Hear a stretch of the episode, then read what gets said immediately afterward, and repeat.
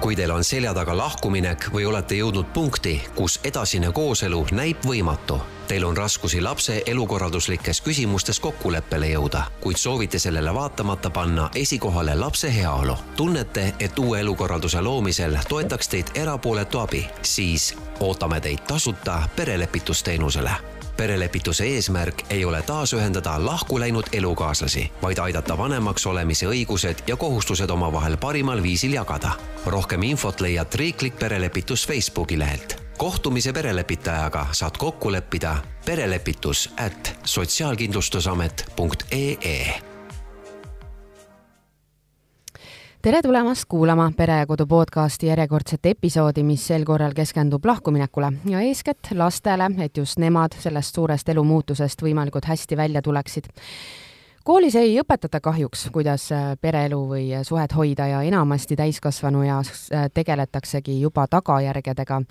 mõnel tuleb suhte hoidmine paremini välja, teisel mitte nii väga ja põhjuseid, miks üks paar otsustab lahku minna, on ilmselt sama palju kui inimesi, kõigil on erinev elukogemus mina olen Maris Järva ja tervitan täna siin stuudios spetsialiste, kelleks on perelepituse teenusejuht Ann Lind-Liiberg ja perelepitaja ja konfliktinõustaja Tarvo Tendal. tere tulemast! tere, tere.! nagu enne mainitud juba, et keegi ei õpeta meid lahku minema, me ei tea, kuidas käituda ja isegi kui teame, siis emotsioon tihtipeale teeb oma töö eks kõik on ju kuulnud nii-öelda nendest äh, diivani pooleks saagimistest ja, ja juustu kaasavõtmisest, et noh, mina ju ostsin selle. Mhm. aga miks inimestega nii juhtub, sest kokku minnes ju keegi ei eelda, et midagi sellist võib juhtuda, et me oleme ühine tiim, me tahame ühiseid asju, äh, me loome pere ja ühel hetkel me oleme nii nugade peal mm. -hmm. võtame vist sõna, jah et äh, asi on selles mõttes lihtne, et äh, lahkumineku või suhtes üldse ju kaasnevad hästi tugevad emotsioonid ja küsimus selles, kui see paar nüüd äh, lahku läheb, siis need emotsioonid kipuvad minema, kuidas öelda, vastandpoolele. ehk siis küsimus selles, kuidas me nende emotsioonidega toime tuleme ja sellega seotult tuleb ka hästi palju konflikte, jah, mis on nende emotsioonidega seotud. ja, ja küsimus, et kuidas need inimesed nende konfliktide ja emotsioonidega toime tulevad aga, aga mis on need põhilised äh, ohukohad siis, kus on näha, et äh, noh, inimesed ikka lähevad lahku ja ja, ja see ei pruugi olla üleni halb valik mm. -hmm. aga, aga halvaks läheb asi siis, kui äh, ma mainisin paari väga sellist järsku näidet, kui sa lihtsalt lähed nagu nii vihaseks selle inimese peale juba, et sa saad aru küll, mis on õige ja kuidas ma peaksin käituma ja kuidas on lastele kõige parem, aga aga viha nagu koondub niimoodi teisele inimesele, et sellest saab nagu selline sõda aga vaata, Maris, sa alguses ütlesidki nii ilusti, et äh, need on ju need teadmised, mida meile koolis ei õpetata. ehk et äh, tegelikult see mehhanism, kuidas, äh, kuidas nendega toime tulla, see on täiesti eraldi suur tükk teadmist ja tööd ja ja no Tarvo siin muidugi oma valdkonna eksperdina oskab kindlasti, kindlasti seda, seda välja tuua, et kui kaua tegelikult tuleks õppida seda, et sa oskaksid niimoodi oma tundeid juhtida mm,? see on hea küsimus, jah. see on hästi palju isikupõhine ka, mõnel tuleb see lihtsamini välja, mõnel mm, -hmm. mõnel on see keerulisem aga võib-olla ma tooksin välja nagu selles kontekstis selle, et mis on see ohukoht, on see, et, et kui paar läheb lahku ja tõesti, no vahel noh, praegusel ajal on palju neid, kes paari lahku lähevad ja, või pere, pered lahutavad. et küsimus tekib selles, et kui see paar lahku läheb ja selle emotsioonide tulvas tekib konflikt või noh, niisugune võiks öelda isegi pehmelt öeldes sõda, siis äh, kõige suurem mure on see, et tihti sinna sõja vahele jäävad lapsed ja siis tekib olukord, kus vanemad võib-olla mõtlevad mõistusega, et jah, et tegelikult ma tean, et ma peaks koostööd tegema teise poolega, kui me oleme lahku läinud, aga emotsioonid on nii tugevad, nad ei tule nendega toime. ja tihti tekib niisugune negatiivne nõiaring, et äh, ütleme, millestki saab see lahkuminek tõenäoliselt ju alguse ja siis äh, lõppkokkuvõttes on see, et äh, mõlemad on juba selle tüli jooksul nii palju haiget saanud, et enam ei ole oluline, kuskohast see tüli hakkas või millest, kuna mõlemad tunnevad ennast kannatanutena mm. -hmm ja kuna mõlemad tunnevad ennast kannatatuna, kannatanutena, siis nad on, äh, väga raske on järgi anda või järeleandmisi teha. ja siis mõlemad arvavad, et äh, mul on õigus ja mina olen rohkem kannatanud ja, ja. ja, aga samamoodi on äh, lapsed tegelikult seal sõjas ka selline vanemate tööriist väga tihti mm.. et see on selline teine, teine kole pool, et mõlemad tahavad justkui lapsele head ja toovad hästi paberi peal välja, et mida kõike head ta lapsele siis suudab pakkuda, aga samal hetkel noh, lapse enda arvamus või enda huvi ja soov seal on äh, kaitseta.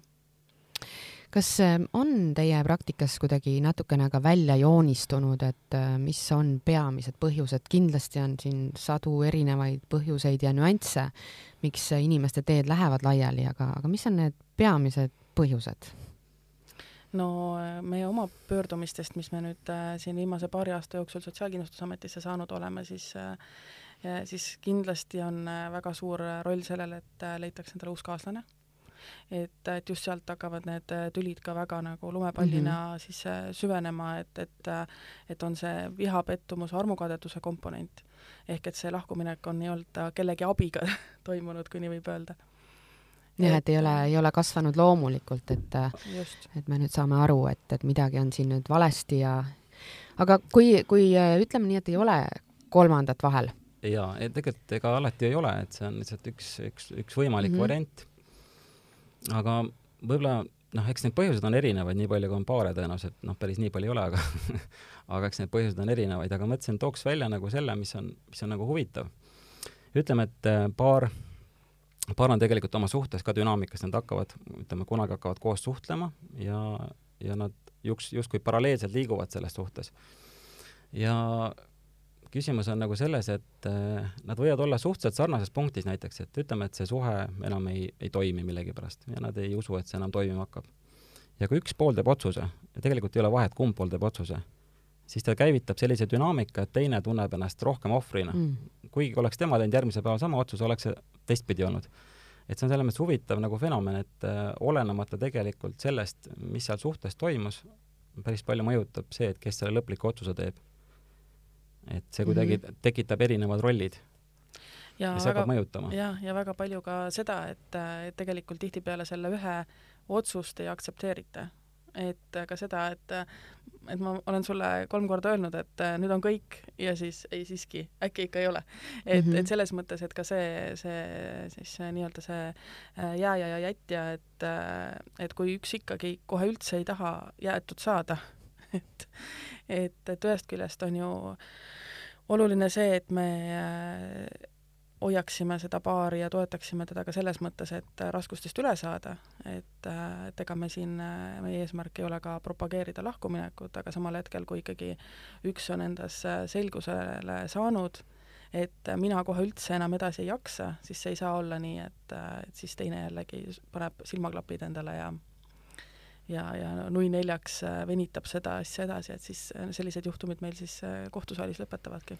keeruline teema jah, sellepärast ongi hea, kui on spetsialistid abiks, sest et noh, eks igaüks on kuulnud neid lugusid ja, ja kõik saavad ju aru, aga lõpuks, kui see sinu endaga juhtub, siis äh, võib-olla mõnedki asjad väga ootamatud. jah, seal on hästi palju tahke ja, ja kui see kohtuteema tuli nagu sisse, et kuidagi meil on senini veel millegipärast niisugune uskumus, et kohus on hea koht, kus lahendada selliseid probleeme. aga tegelikult on ju selles, et, et minnes selliste teemade kohtusse, ütleme, et kui paar on lahutanud ja ei jõua kokkuleppele näiteks, näiteks lastega suhtlemise osas või kus on lapse elukoht, et siis tegelikult antakse ju oma need õigused ära kohtule, et kohus määrab, kuidas asjad peaksid olema ja millegipärast on inimeste suur usk, et, et siis teeb kohus kuidagi väga hea otsuse aga võib olla ka niimoodi, et äh, kohus teeb otsuse, mis inimestele ei meeldi ja kogu see jama läheb nõnda öelda edasi. edasi, jah. et selles mõttes on perelepituse loogika teistsugune, et, äh, et äh, perelepituses see paar ise, ütleme läbi juhendatud protsessi, saab ise teha sellise otsuse, ütleme sügavamal tasandil, et mis on nende jaoks kõige mõistlikum otsus selles kontekstis, nende elu tegelikult, nende lapsed et kui õnnestub need emotsioonid maha võtta, et jõuda selleni, et mis tegelikult selles olukorras, kus me oleme lahku läinud, on kõige parem nagu lahendus sellele mm. -hmm. et siis kohtusse jõudes tegeleda juba, juba nende asjadega, kus saab konkreetselt äh, kohus aidata, mitte siis enam jaa, see, sest on emotsionaalne teema, et äh, tuttava kohtunikuga rääkis, ütles, et me ei taha tegeleda selliste asjadega, sellepärast see on emotsionaalne teema, see ei ole juriidiline teema ja, jah. ja, ja kohtute puhul äh, seda lapsevanemad nagu ei taju, et äh, alati on see lootus, et äh, ma lähen kohtusaali, no ma kas võidan või kaotan, eks ole. et kas mul läheb hästi või läheb nüüd sellel kaaslasel hästi. aga unustatakse ära selline variant, et kaotada võivad ka mõlemad mm. -hmm. ehk et kohtuotsus võib olla ka selline, mis tegelikult ei rõõmusta kumbagi osapoolt. ehk et näiteks kui, kui tahetakse seda, et, et kumbki tahab siis hooldusõigust niimoodi endale või, või tihedamalt lapsega koos elada igapäevaselt, siis, siis, siis näiteks kohtuniku lahendus viiskümmend, viiskümmend võib olla tegelikult ebamugav mõlemale osapoolele, noh näiteks, et kes seal mm -hmm. töötab, ma ei tea, piiri taga või noh, mis iganes mm, -hmm. eks ole. et, et tegelikult see kohtulahend ei pruugi olla nagu kummalegi osapoolele rõõmustav aga noh, samas kohtuniku seisukohast on see ju just õiglane, et noh, ma võtan nagu mõlemalt äh, midagi, midagi head ja midagi halba kaasa, on ju, et ja see on üks hästi oluline aspekt, mida peab teadvustama, et äh, kui inimesed lähevad kohtusse, siis kohus on ju üles ehitatud sellele, et me peame leidma argumente, mis toetavad meie nagu nõnda öelda õigeks olemist. ja see tähendab seda, et äh, tekib pooltevaheline nagu sõda läheb tegelikult suuremaks. Ja küsimus ongi see, et kui see kohtu nagu protsess läbi saab, isegi kui see tulemus tuleb hea, siis reeglina äh, nende poolte vahelised suhted lähevad halvemaks. ja kui mõtleme, et mida see lapse jaoks tähendab, tähendab seda, et mm -hmm. otsus on olemas, jah, meil on nagu paber olemas, aga tegelikult suhted on veel halvemad. ja teine asi kindlasti, mis on, on see ikkagi see kiirus, et see lahenduse kiirus et tegelikult nii kaua, kuni, kuni me nüüd sellest samast äh, nii-öelda lahkuminekust, kus me avastame, et me omapäi otsuseid tehtud ei saa, on ju, kuni nüüd selle kohtuotsuseni, sinna võib minna aastaid ja tegelikult absoluutselt iga päev, mis, mis selle lapse jaoks on see segadus ja see, need kraaklevad vanemad on ju noh, kaotsi läinud päev, eks ole. jah, ja on ju ka vanema ja, enda jaoks ja, väga pingeline periood. tegelikult äh, mis iganes meetod aitab vanemaid kiiremini selle tulemuseni, seda kiiremini saavad kõik osapooled oma eluga edasi liikuda -hmm.. võib-olla täiendaks selle osa ka veel, et ennem äh, mainisin, et lapsed satuvad justkui kahe selle rindejoone vahele. et mis nagu täpsemalt lastega toimub, on see, et noh, kujutage ette, et on perekond Äh, laps suhtleb emaga, laps suhtleb isaga, isa suhtleb emaga, ühesõnaga kõik omavahel suhtlevad. järsku, see on vanemate omavaheline teema, nad lähevad lahku. ja siis satuvad lapsed sellisesse olukorda, kus see loomulik olukord, kus ta sai rahulikult suhelda mõlema poolega, muutub selliseks, et äh, seda kutsutakse lojaalsuskonfliktiks mm. -hmm. Ehk et kui ma olen ema juures, siis ma isaga ei tohiks suhelda tegelikult, kuna, kuna ema, ema on konfliktis isaga mm. -hmm. või kui ma olen isa juures, ma olen, ma olen äh, lojaalne isale, et ja ma ei suhtle enam emaga, neid, neid, need on nagu küllaltki õudsad lood, aga neid on hästi palju, kus äh, on teada näiteks, et noh, ütleme, et toon hästi lihtsa näite, et näiteks on äh, tütar, ta on hästi nõnda öelda issi tütar, vanemad lähevad lahku, ei, et ma ei soovi isaga suhelda enam, ta elab ema juures mm. -hmm. Ja siis on noh, see on see lojaalsuskonflikt, et ta ei saa, ta ei saa ju valida pooli. ja samas on sunnitud nagu noh, kuidas öelda, kuidagi siis toime tulema selle kahe tuleval olemisega. ja see on see, mis, mida vanemad tihtipeale ei mõtle aga panevad väga-väga keerulisse olukorda lapsed ja sellega kaasnevad erinevad äh, probleemid mm. -hmm.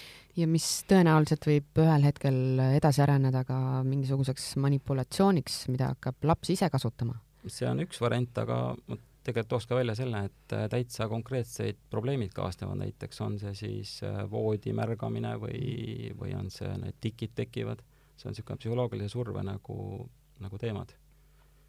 Et äh, minu seisukoht on, on selline, et kui, äh, kui, kui ka lapsevanemad äh, lähevad lahku ja kui ka kõik need otsused tehakse ära, noh, mis puudutab nüüd lapse elukorraldust, siis tegelikult see tasand lapsevanemate vahel, et nad peavad olema suutelised teineteisele nii-öelda telefonidel helistama, teineteisega suhtlema, rääkima, see peab säilima. selle nimel tuleb tööd teha, et selline tasand säiliks. sellepärast, et kui me võtamegi kas või näiteks teismelise ja, ja me räägime need lood, kus on, kus lapsed jooksevad näiteks kodust ära või avastatakse alles kuskil mingil hetkel hiljem, et la, last pole, on ju.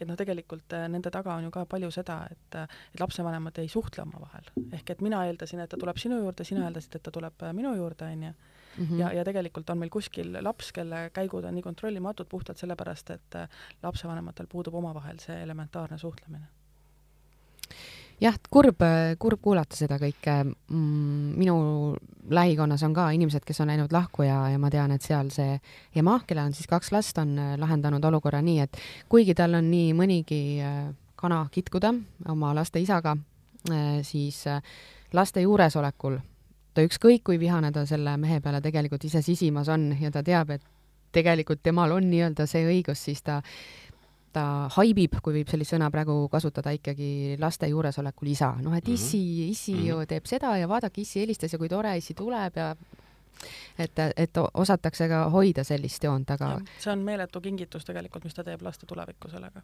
ja see on, see on teadlikkus, on ju mm. -hmm. ta, ja väga, ta väga arvestab teadlikkus. rohkem lastega kui selle oma vahetu emotsiooniga selles kontekstis ja et ongi, võib-olla tooks selle välja, et äh, laps on ju tegelikult, ütleme, pool on emast ja pool on isast. ja kui nüüd äh, laps peab kuidagi sellega toime tulema, et pool temast ei kõlba et sellega ei, ei pea suhtlema või noh, see ei ole aktsepteeritud mm, -hmm. siis tegelikult lapse sisemine konflikt tekib ka igal juhul kui meil tuli juba korraks jutuks elukorraldus, sest laste jaoks muutub siis elu, kui mm -hmm. vanemad lähevad lahku juba kõige lihtsamal tasandil, et äh, kus ta elama hakkab ja, ja mis vahekorras peaks nägema ema ja mis vahekorras peaks nägema isa, siis äh, siin ka kindlasti väga tugevalt äh, erinevad seisukohad mm -hmm. on need, kes eelistavad, ma ei tea, siis isale nädalavahetusi või, või käib see kuidagi teistmoodi või või, või nädal siin ja nädal seal mida ma olen ka kuulnud, mis on teie arvamus selle nädal, nädal elukorralduse osas? jaa, see on hästi oluline teema ja hea meelega räägin sellest, kuna tõesti sellest noh, igast lahendusi on väga erinevaid, et äh, võib-olla hakkan kuidagi kaugemalt pihta, et kui mõtleme, et mis võiks olla selle asja eesmärk, et äh, kui mõtleme, astun veel korra sammu tagasi, et äh, tegelikult lapse jaoks ei ole niivõrd halb see, kui vanemad lähevad lahku, kui neil on omavahelised kokkulepped, kui see, kui vanemad omavahel tülitsevad et see on, see on see raske moment ja see tekitab suurema raskuse. ja kui me siit edasi läheme selle kor-, selle juurde, et kuidas siis laps peaks suhtlema vanematega, siis äh, nagu niisuguse nagu loomuliku nagu niisuguse, kuidas öelda, lähtekoha, et äh, ideaalis laps peaks suhtlema või saama suhelda võimalikult loomulikult mõlema vanemaga. et see võiks olla nagu eesmärk, et kuidas taastada situatsioon, kus laps saaks suhelda ilust nagu rahulikult nii isaga kui emaga aga see, kuidas konkreetne need lahendused on, et see ongi selles mõttes huvitav, et Ameerikas väga palju nagu katsetati seda nädal-nädal ja meil Eestis ka katsetatakse seda. ja siis tehti mingil hetkel vaata, et noh, tegelikult need tulemused ei ole nii head, et miks, miks ei ole hea, on see, et laps pidevalt ju rändab kusagile. tal nagu ei olegi päris kodu, et ta jälle võtab oma asjad kokku, jälle läheb teise kohta ja on seal nädal aega, jälle võtab oma asjad kokku ja läheb sinna teise kohta. ja vastavalt lapse vanusele on ka see nädal väga subjektiivne, kuidas öelda, ajapikkus. väikse lapse jaoks nädal aega võib olla tohutult pikk aeg, see on meeletult pikk aeg. et võib-olla kui me räägime mingisugusest viieteist aastat, neljateist aastat, see nädal-nädal on täitsa okei okay.. et ja üks asi, mis mulle tundub, et me kuidagi, me omistame lastele sellise täiskasvanuliku mõtlemise, et et teeme ajaliselt pooleks, et siis on õige et see on pigem niisugune lapsevanema mõte, tihti on see lapsevanema soov aga pigem mina usun sellesse, et äh, parem lahendus on see, kui laps tunneb, et tal on mõlemad vanemad olemas. ja see, kuidas ta tunneb mm, -hmm. see võib olla hoopis erinev. ütleme, et äh, ta võib olla näiteks viis päeva ühe vanema juures töö kõrvalt ja teine on näiteks äh, kaks päeva koos ja tõesti veedab, veedab aega, et ma ei oska öelda, kumb, kumb on suurema kaaluga mm. -hmm. mõlemad on vajalikud. et seetõttu nagu pigem on see lähtekoht, et see nädal-nädal ei ole väga hea, ja lahendus pigem on see, et lapsel võiks olla üks elukoht ja tal võiks olla vaba suhtlus siis teise vanemaga ja, ja kokku lepitud ajad, millal ta siis selle teise vanemaga kohtub. jah, et siin tuleb ju äh, mõelda seda, et, äh, et kuidas see aeg, see ühine aeg siis veedetud on. ehk et kui suur on sellest, äh, sellest koos oldud ajast selle kvaliteetaja hulk et, et noh, siin seesama, et, et muidu äh, paljudele kõlab see nii-öelda pühapäeva vanem äh, üsna halvasti, aga samas, kui see pühapäev tähendab seda, et ma olen hommikust õhtuni lapse päralt ja samas see kolmapäeva õhtu tähendab seda, et, et me pärast äh, trenni kiirelt sööme õhtusöögi ja juba ongi magamineku aeg, et siis noh, selles mõttes seda ei tasu nagu ka alahinnata. aga no muidugi on meil ju ka, ka Eesti vanemad aina rohkem proovivad seda nii-öelda linnupesa meetodit, mis siis tähendab seda, et, et lapsed elavad alati ühes kohas ja hoopis lapsevanem on see, kes siis oh, tuleb või?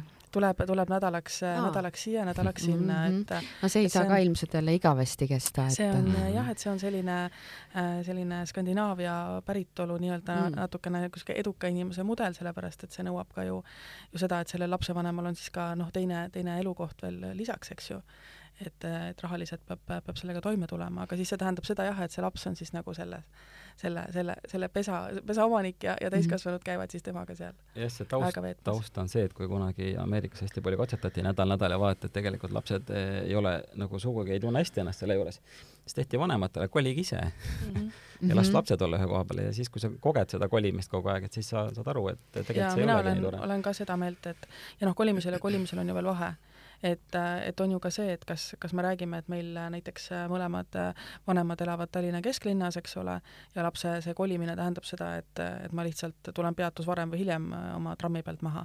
aga, aga meil on ka selliseid peresid, kus, kus üks elab Tartus ja teine elab Tallinnas näiteks, on ju, et, et, et isegi kui see laps on väike ja käi lasteaias, siis no kujuta ette seda et sulle veel nii palju nagu lisakoormust transpordile või... tuleb lisaks, on ju. mul on juhtumeid, üks elab Rootsis, teine elab Tartus näiteks või üks elab Soomes, teine elab äh, teine Tallinnas näiteks. ega üritatakse jagada siis suhteliselt võrdselt no,? või noh, midagi üritatakse jagada, tegelikult ongi, et ega nagu õiget või ühte õiget lahendust ei ole, küsimus on see, et kui me lähtume sellest, et lapsel oleks mõlemad vanemad selles mõttes olemas, et kontakt on mõlemaga olemas, et siis need lahendused võivad olla tegelikult erinevad. et ma ei usu, et on ühte lahendust, mis sobib kõikidele paaridele.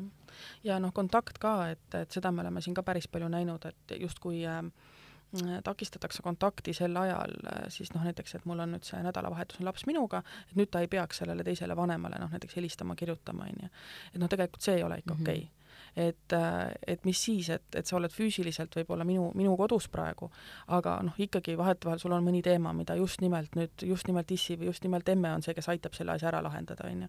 ehk et tegelikult mõtestada ka seda aega, et ega see aeg on küll selline füüsiline koosolek, eks ole, aga, aga mitte nüüd selline, et sa kuidagimoodi piirad selle lapse sinna kuldpuuri, et vot nüüd oled minuga.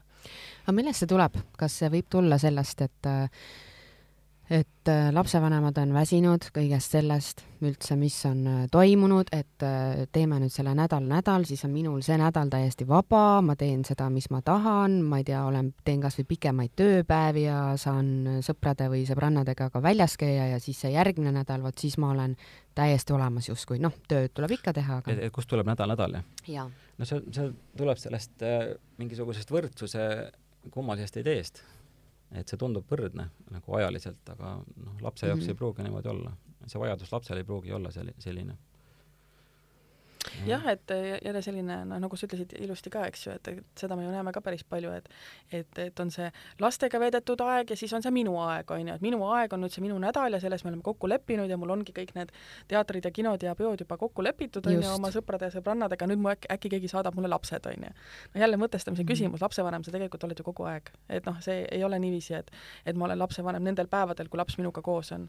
aga et, lahkuminek justkui toob sulle osaliselt sellise vabaduse kingib, või kingib väikese pausi, et jah, et, et ma olen äh, seda last siin, ma ei tea, kolm, neli, viis, kuus, seitse aastat hommikust õhtuni ja nüüd ma lõpuks saan ka natukene endale elama hakata no. ja siis see nädal-nädal tundub aga... nagu võib-olla olekski abiks see, et, et kohe juba lapse ootusest teada saades lepivad vanemad kokku, et milline on lapsevanema roll ja täidavad seda, seda lapse sünnist peale, et siis võib-olla ei jõua ka et kinkida seda vabadust teineteisele ka siis, kui koos ollakse. lahkuminekuni, et kui ikkagi see vanemlus on kohe algusest peale võrdsetel alustel. et selles mõttes ma usun, et noh, eks see inimlikkuse perspektiiv tuleb ikka sisse ja ma arvan, et see on loomulik, et ongi see, et on vaja aega ja, ja, ja see on, see on tegelikult loomulik küsimus on pigem selles, kuidas seda nagu korraldada nii, et, nii et see kõikidele osapooletele sobiks ja lastele ka.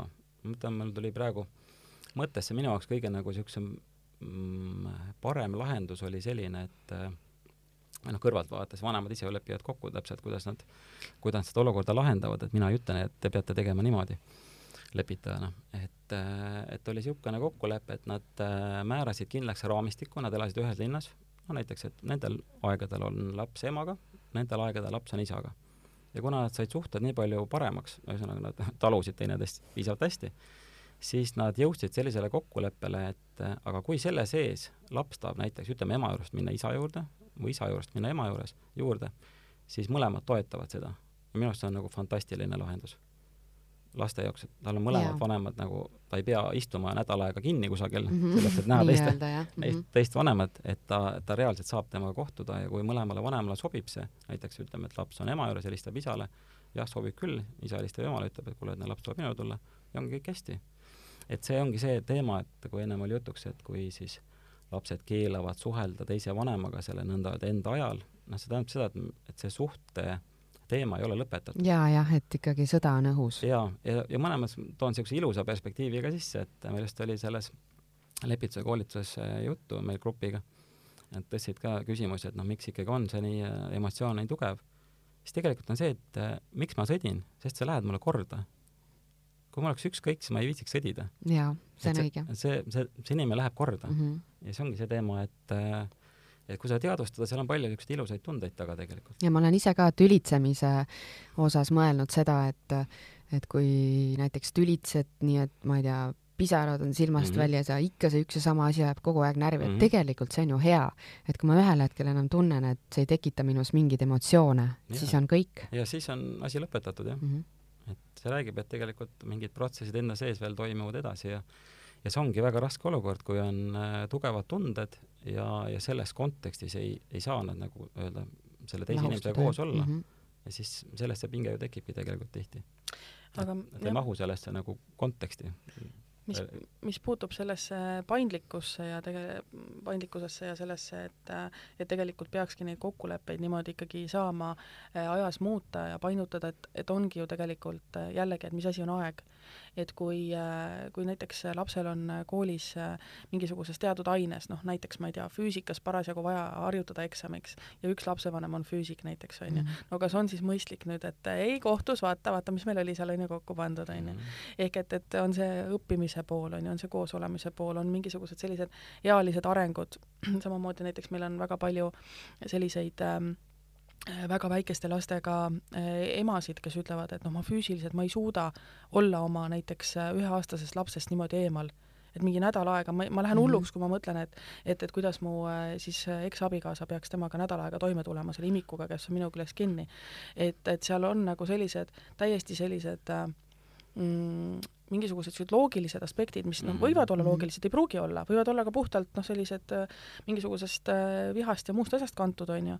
aga, aga just, et, et on ikkagi see lapse, lapse aspekt äh, tugevalt äh, selle aja, aja planeerimise juures ja noh, mis ma nagu enda jaoks olen ka niimoodi mõelnud, on, on see, et et, et täpselt seesama, see nii-öelda asjade allaneelamine, et no võtame näiteks äh, näiteks mingid kooli lõpetamised et noh, mis, mis, mis me siis mm -hmm. selle üheksanda klassi lõpupeoga nüüd siis teeme, kui meil on kes, see kes tohib 50, minna kes tohib, lilli viima ja, ja kes ei tohi ja, ja kes ja tohib no, pärast kohvikusse tulla no ja just, kes ei tohi. noh, et selles mõttes, et see on ju tegelikult noh, elusündmusi on ju nii mm -hmm. meeletult palju või ongi näiteks see, et üks lapsevanem abiellub uuesti, on ju, noh, kas siis nüüd ei ole õigus äh, siis lapsel sinna pulma minna, kui see pole parasjagu selles graafikus.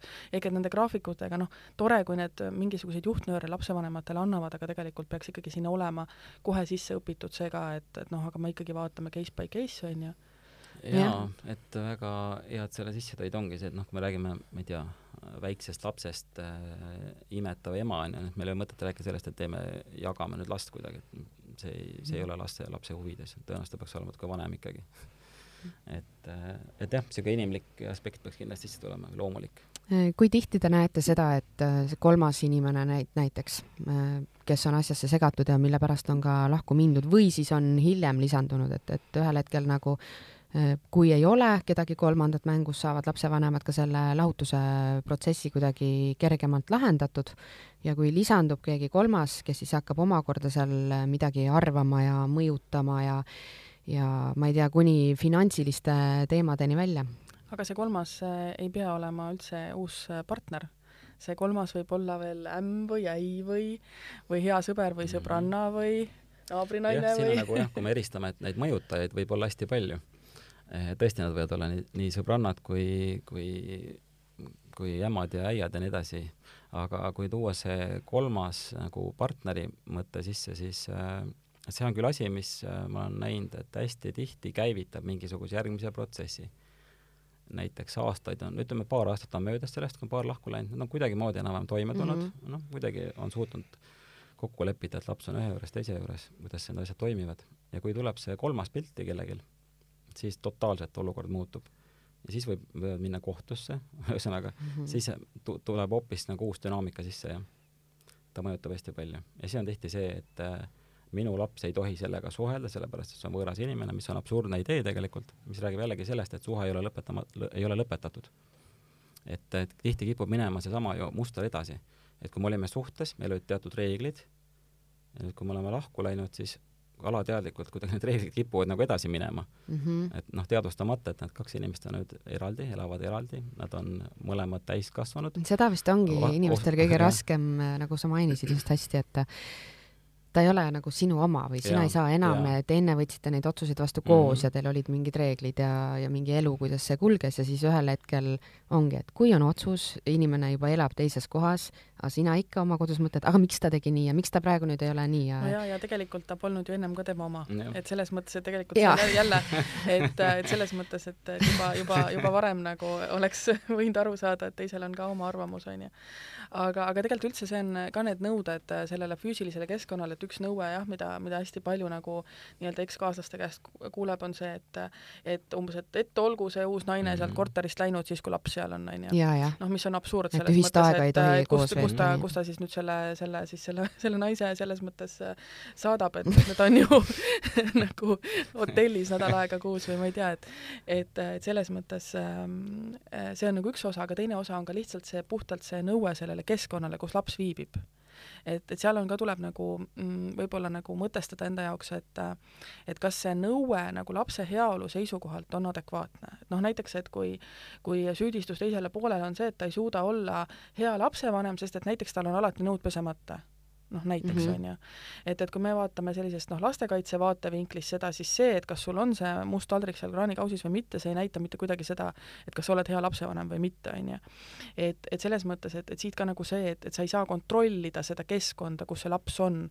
et seda, seda keskkonda, selle turvalisuse ja kõik selle tagab see lapsevanem, kelle kodus see laps seal parasjagu on, et noh, et kui tema elu on selline nüüd ja, ja temal näiteks magabki diivani peal, siis ta magabki diivani peal, ehk et sa ei saa hakata ette kirjutama kirjutama distantsilt seda, et millist mm -hmm. elu peab tema mm -hmm. edasi elama pärast lahkuminekut. kuigi tahetakse jah, tihti ja., noh, aeg-ajalt vähemalt, et äh, aga, aga see teadvustamine jah, et mõlemad on äh, täieõiguslikud vanemad, mõlemad on vastutusvõimelised ja see aeg, kui laps on ühe vanemaga, siis tema vastutus on see, et see lapsega oleks kõik korras mis teie praktika ütleb, noh nüüd äh, riik pakub ka teenust, see on tasuta, saab enne, enne kohtusse minekut saab neid teemasid lahendada, et mis, äh, mis teie praktika ütleb, kas, ähm, kas sellest äh, seansist või kuidas me seda nimetame, kui te -hmm. inimestega kokku saate, on, on lõpuks abi, äh, kui kaua see võtab aega mm, või mm -hmm. kui teie juurde juba jõutakse, siis on juba hilja?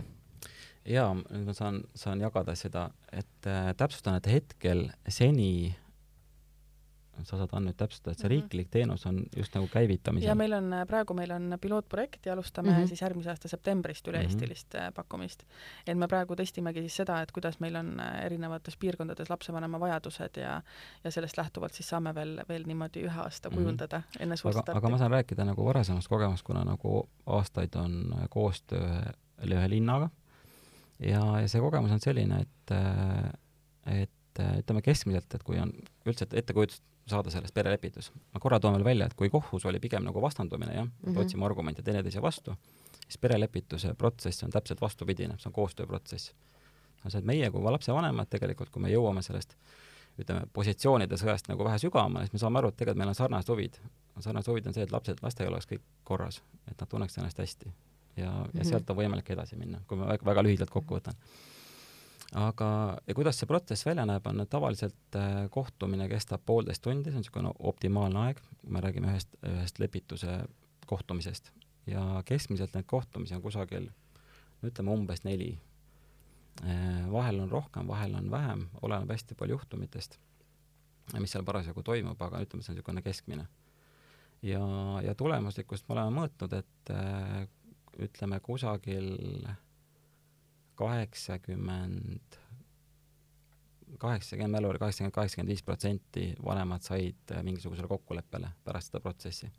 et ma arvan, et ikka päris suur protsent siis? ma arvan, et see on äh, väga nagu hea tulemus, arvestades, et tegemist on ikkagi niisuguses aktiivses konfliktis olevate inimestega, kes äh, osad isegi võivad väljendada, et ma ei taha teise poole kohtuda, mis räägib, et asi mm -hmm. on päris, päris nagu tugev ja sellelt baasilt on jah, ma arvan, et see on ka päris, päris hea tulemus. et äh, jah. tuleks korraks sellise teema juurde nagu enesesüüdistamine, et äh, isegi kui inimene saab aru, et see lahutus on õige tee ja ta on selle võib-olla ka ise algatanud, siis äh, kiputakse ennast ikkagi süüdistama veel ka päris pikalt, et äh, olgugi, et saadakse aru, et ma ei taha enam see või et me ei saa enam edasi mm -hmm. koos minna, aga et kuidas ma nüüd ikkagi oma laste elu kihva keerasin ja nüüd nemad kannatavad ja nüüd on neil kunagi need hullud mustrid, millest tuleb välja mm -hmm. rabeleda ja et, et kas see on lihtsalt nähtus, mille peab läbi elama või, või peaks sellega kuidagi võitlema, et seda süütunnet vähem tunda? mul on äh, selline tunne, et see tegelikult selline meeletu enesesüüdistamine, see vist ikkagi jääb rohkem eelmise generatsiooni lahkuminejate juurde, et et seda on küll palju, et kui me rääkisime just nendest ämma-äia nii-öelda mõjutustest, et seda, et, et kuidas sina, laps, nüüd oma elu kihva keerasid või kuidas sina oma lastele ei suuda. et, äh, et ma ei tea, kuidas Tarvo sinu ma oleks, ma oleks vastanud ma oleks vastanud niimoodi, et et ma arvan, et see, see käib selle protsessi juurde ja millegipärast subjektiivse nagu tunde järgi ütlen, et äh, naistel on äh, naised kogevad seda rohkem, kuna naised üldiselt vastut-, tunne, tunnevad nagu suuremat vastutust suhte eest. et see komponent seal kindlasti on. aga no vot, see ongi see hea küsimus, et ta, ta selles mõttes on ja seda tuleb teadvustada, et seal on, mhm. isegi siis, kui, kui ongi nagu võib-olla kõige mõistlikum variant lahkumine, mida teab see inimene ainult ise Mm. Aga kindlasti ta kogu aeg mõjutab, jah. jah, ja see ongi see, et, et ka miks, miks meie jaoks on oluline, et on need äh, erinevad sellised ka tööriistad, kirjandus, on ju, et, et me siin eelmisel aastal tegime mm, uuringu, et äh, minu lahkumineku kogemus. Ja kolmsada kolm Eesti lapsevanemat siis kirjeldasid meile, et, et ka üsna selliste vaba, vabade vastustega, et avatud, avatud küsimused, vabad vastused, et kuidas siis, mis sind aitas ja, ja noh, et, et sealt, sealt tuli väga head teavet, et selle, selle analüüsi SKA lehelt ka leiate. Mm,, et, et just äh, kui vähe oli seda, et inimesed pöördusid kuskile kanalisse selleks, et, et abi saada, no kas või seesama, see enesesüüdistamine, on ju. et tegelikult meil on ju, on ju selleks noh, terapeudid on ju riigis, psühholoogid, kes te, kes on nendele teemadele keskendunud, eks ole, meil on tarkvanem, kus saab lugeda. aga see on nagu kuidagi nii selline meil on kõvasti kirjandust selle kohta, eks ole. selline emotsioon, et sa võib-olla ei tule ja, selle peale, et sa peaksid ja, ja siis, ja siis just see ka, mis sealt vastustest joonistus, oligi palju seda, et aga ma isegi ei mõelnud selle mm -hmm, peale, et mind võiks võiks keegi selles aidata, et see on nagu nii eluline, et noh, kui mul viiest sõbrannast neli on selle üle elanud, et noh, mis mina nüüd hakkama mm -hmm. ei mhm. saa. aga et noh, tegelikult esiteks seda oma kogemust ei saa ju võrrelda kõigi teiste kogemustega ja teiseks on see, et et noh, me praegu näiteks äh, Äh, näeme ka, et meie poole on, on pöördunud ka näiteks äh, äriettevõtete esindajad, kes ütlevad, et meil on inimesed, pärast lahkuminekut on mõni olnud äh, pool aastat haiguslehel, et ta ei tule oma tugevate mm -hmm. tunnetega toime, me oleme kaotanud tööjõudu, sellepärast et ta läks, eks ole mm -hmm., noh mm -hmm., omadega nagu keeruliselt niimoodi et, et noh, see on tegelikult väga-väga-väga tugev elu muutev situatsioon ja, ja selle puhul on ilmvajalik, et et, et kui, kui, kui sa näed neid oma nii-öelda sümptomeid, et ma vist ikka ja, ei saa hakkama, et, et lihtsalt see, et juba puhtalt see, et, et ka see, et hea lapsevanem olla, mhm. on ju, et ma ei jaa, väga,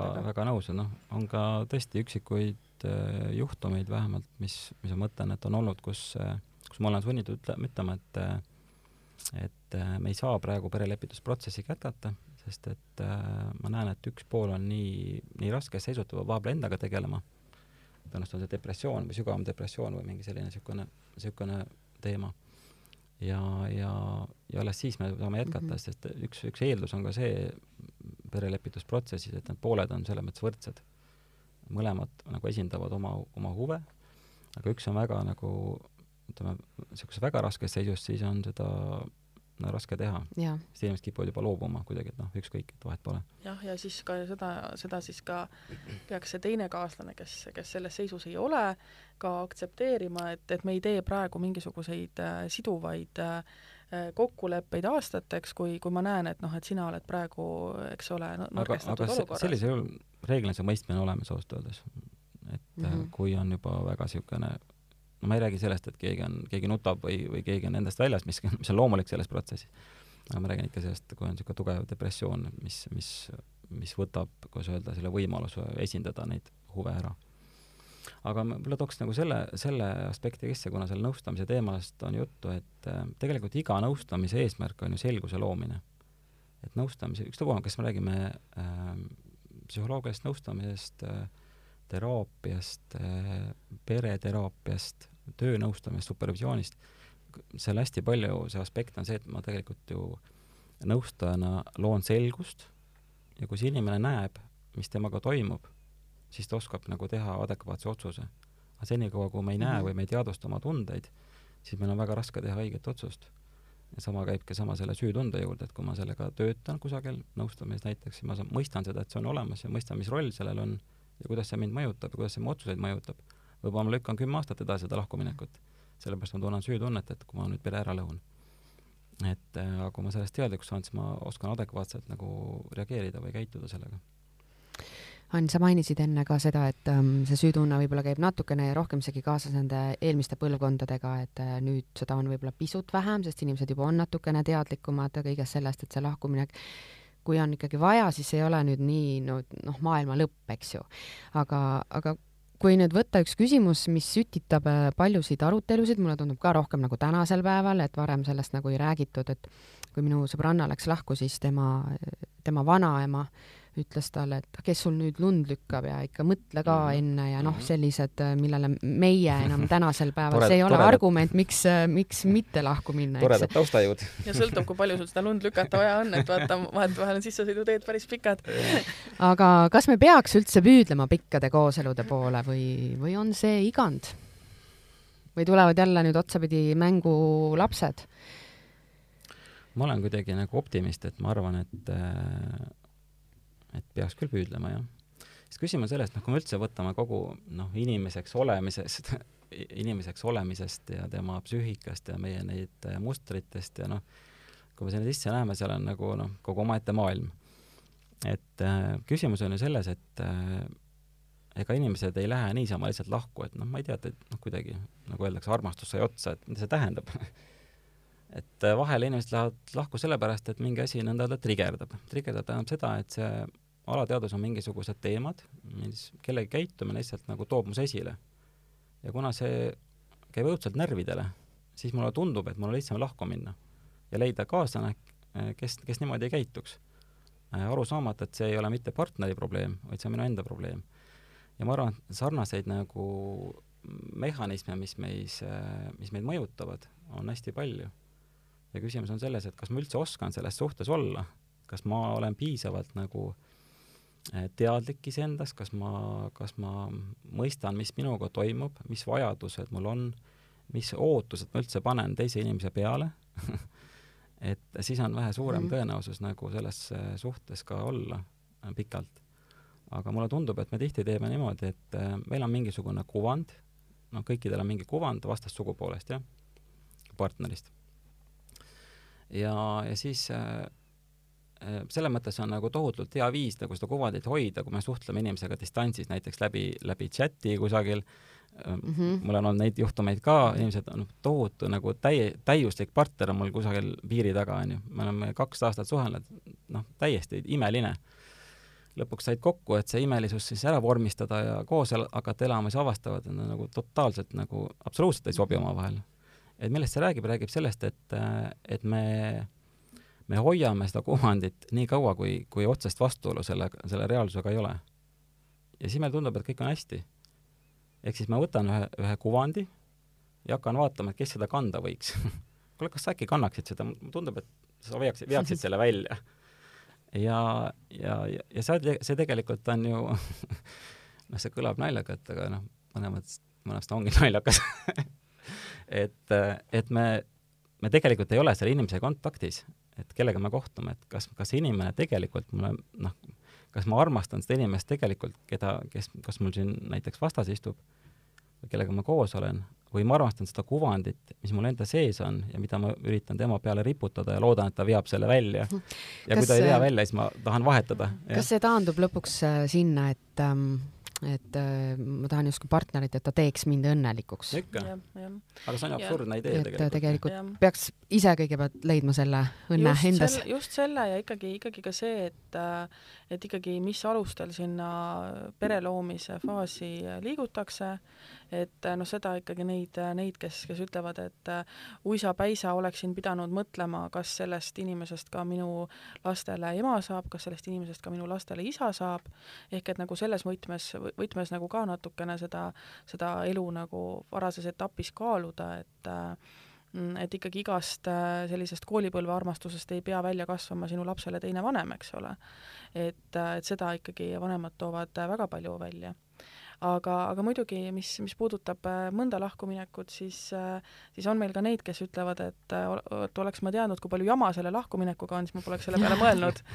ehk et, et need, kes on ikkagi seal kohtus pidanud jahvatama ja igal pool teenuseosutajate kõige juures mõtleb, et noh, et äkki mul oleks olnud kergem ikkagi mm, -hmm. ikkagi käia perenõustamises või vaadanud, vaadata sellele kaaslasele uuesti otsa ja värskendada oma suhet, et et mis pärast seda hakkas minema, et see oli nagu üks, üks väga suur tükk tööd, et et kindlasti selles mõttes meie siit ka äh, nii palju kui võimalik, et kui lapsevanem ikkagi tuleb mm, kahtlusega, et, äh, et ma ei tea, mul on äh, noh, ühesõnaga, et nagu see kooselu ei lähe, aga et noh, sellises faasis inimesi tuleb ikkagi, ikkagi proovida saata nende nõustajate juurde, kes tegelevad ikkagi paarisuhte probleemidega. jah, siin ongi hea välja tuua, et kuna perelepituse väljend tegelikult ei ole väga õnnestunud väljend, peab tunnistama et me peame eristama, mis on perelepitus ja pereteraapia, et äh, pereteraapia tegeleb selle, kui paaril on näiteks mingisugused probleemid suhtes ja nad tahavad jätkata koos, siis on äh, pereteraapia see, mis aitab neid inimesi.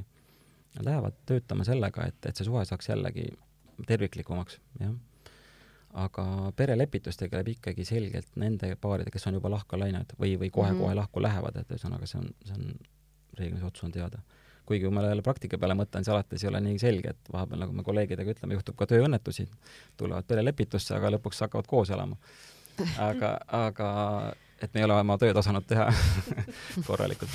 aga, aga need on üksikud juhtumid ja isegi tegelikult siis peate raha tagasi andma jah, isegi sellistel juhtudel tegelikult äh, peaks see pere või see paar minema pereteraapiasse, sest et need mustrid on tegelikult seal all ja kui isegi no mis seal toimub, on see, et äh, mingisugused asjad saavad selgemaks, saavad ära lahendatud noh, mingisugune suurem segav emotsioon saab maha võetud, et siis tundub, et tegelikult ei olegi nii halvasti äkki, aga, aga, aga, aga need mustrid on alles, on ju, nendega tuleb eraldi töötada. jah, sest mustrid on alles, kui sa lahutad selle abielu, tuleb sul ühel hetkel võib-olla uus kaaslane mm, -hmm. hakkad nägema taolisi mustreid, võib-olla probleeme, et oma... et, et vähemalt te innustate ikkagi, et äh, püüda püüda no, lõpuni, kuni olla endas täiesti kindel? jah, kindlasti ikkagi esimese asjana püüda, et et, et, et tõesti see lahkuminek on äh, pikk protsess, et kirjeldasime seda just äh, ühel pikemal lahkumineku alalehel ja, ja juba ainuüksi juriidiliselt võib see rägastik olla väga, väga metsik, eriti kui sul näiteks partner on, on mõnest välisriigist, et et aga, tükk tööd, tõesti tükk tööd. aga ma tooks nagu selle aspekti sisse, ma ütlen, mina ei tea tegelikult et ma tõesti ei tea, see on, see on nii individuaalne, mis parasjagu seal suhtes toimub, aga ma tooks võib-olla selle asja, mis mis võib-olla jälle aitab natuke paremini nagu endast aru saada, et, et millise, milline ma tüübina olen. näiteks me toome paralleeli äh, töökohtadega. kas ma osat-, kui me vaatame mm -hmm. oma sõpru, sõbrannasi, on ju, me teame juba, et et on pigem see tüüp, kes ütleb, et oh, kuule, mulle aitab, et äh, kuule, ma lähen teise kohta, on ju, ja paneb, äh, tundub varakult ukse kinni, jah.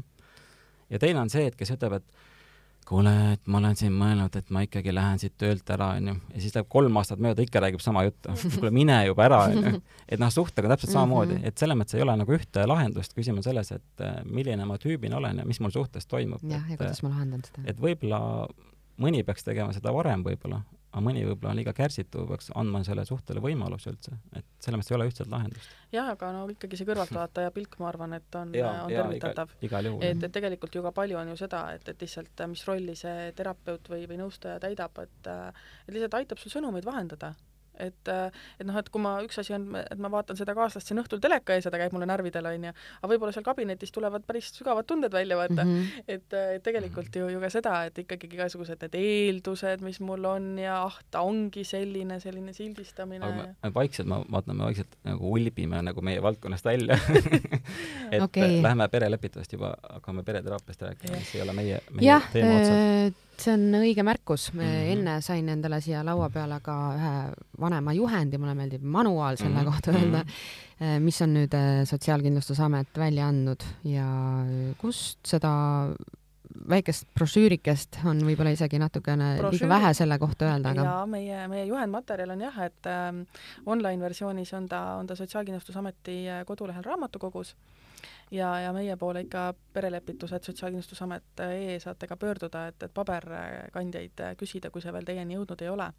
et äh, tõesti, siin jälgisime oma, oma heade Soome kolleegide eeskuju, et tegelikult on lapsevanemal vaja õppida äh, ka sellist elulist asja, kuidas lahku minna et, et tõesti see juhendmaterjal samm-sammult äh, aitab ja, ja, ja toetab äh, seda lahkumineku protsessi ja kirjeldabki alates sellest esimene leht, et, et kas sa, kas sa oled ikka kindel, nagu me siin just mm -hmm. rääkisime, et, et aitab mõtestada seda, seda lahkuminekut kuni siis, siis samm-sammuni, samm, sammuliselt need juriidilised äh, aspektid, sisulised laste heaoluga arvestamine, kõik, kõik muu oluline, mis lahkumineku juurde käib.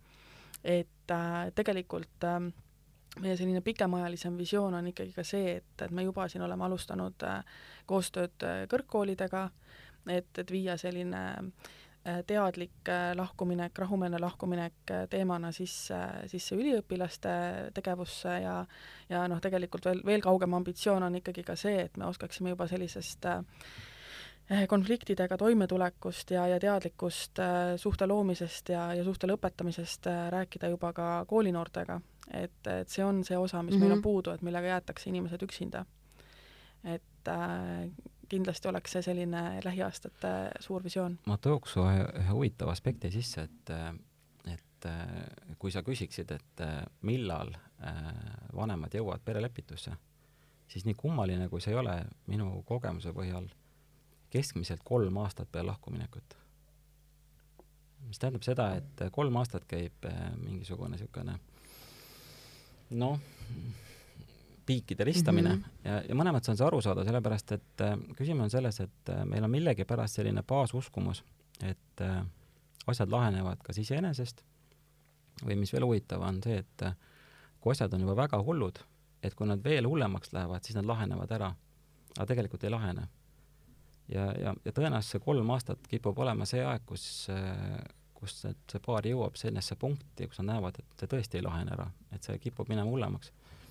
ja, ja siis ju, ju sellest on see kolm aastat, kuigi no hästi erinevad tulevad muidugi, aga ma mõtlen, et väga sageli mul, mul vähemalt on niimoodi olnud, et äh, kusagil kolm aastat on juba, juba lahkuminek selja taga.